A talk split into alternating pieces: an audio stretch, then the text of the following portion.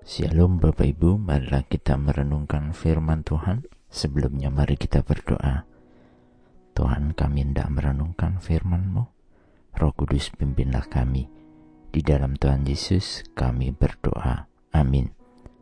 Bacaan saat ini diambil dari Wahyu 2 ayat 10b. Wahyu 2 ayat 10b. Hendaklah engkau setia sampai mati dan aku akan mengaruniakan kepadamu mahkota kehidupan. Berbicara tentang pernikahan, salah satu janji yang diikrarkan adalah mengenai kesetiaan. Kesetiaan sampai maut memisahkan. Kesetiaan menjadi hal yang penting dan mendapatkan tempat terbaik dalam kehidupan manusia baik itu dalam konteks hubungan rumah tangga, hubungan pekerjaan antara atasan bawahan, tuan dengan hamba, atau dalam bernegara kita sebagai warga negara dengan negara di mana kita tinggal, dan banyak contoh-contoh kesetiaan lainnya. Bahkan Tuhan di dalam banyak tulisan di dalam Alkitab menyatakan kesetiaannya kepada kita umat miliknya konteks bacaan saat ini adalah bagian yang Tuhan mau kita lakukan di dalam kehidupan ini, yaitu perihal kesetiaan kita kepadanya, serta janji Tuhan bagi yang setia berupa mahkota kehidupan.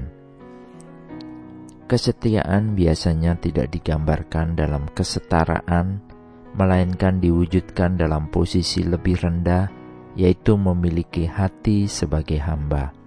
Teladan Kristus yang menyelamatkan kita dari dosa-dosa kita adalah ketika Tuhan memiliki hati sebagai hamba, mau melayani, mau membasuh murid-muridnya, bahkan mati di kayu salib dengan kehinaannya.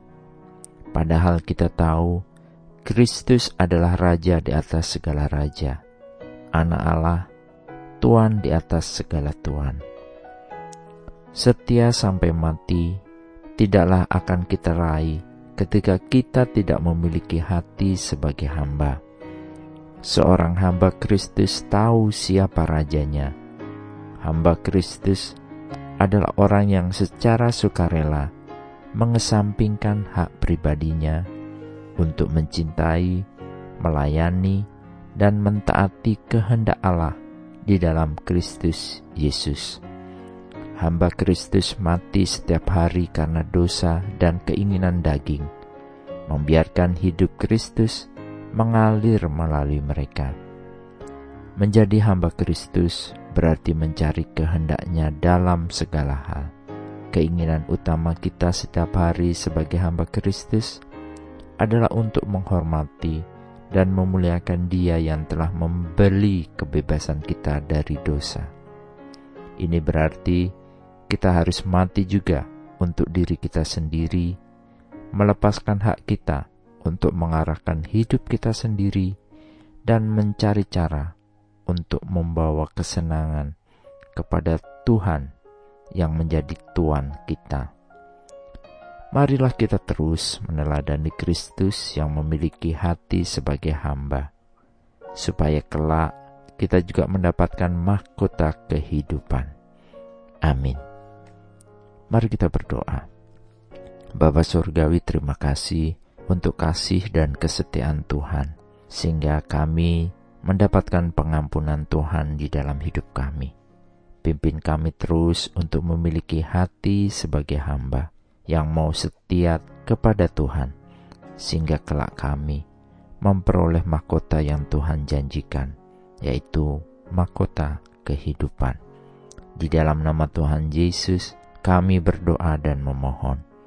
Amin. Tuhan Yesus memberkati. Shalom.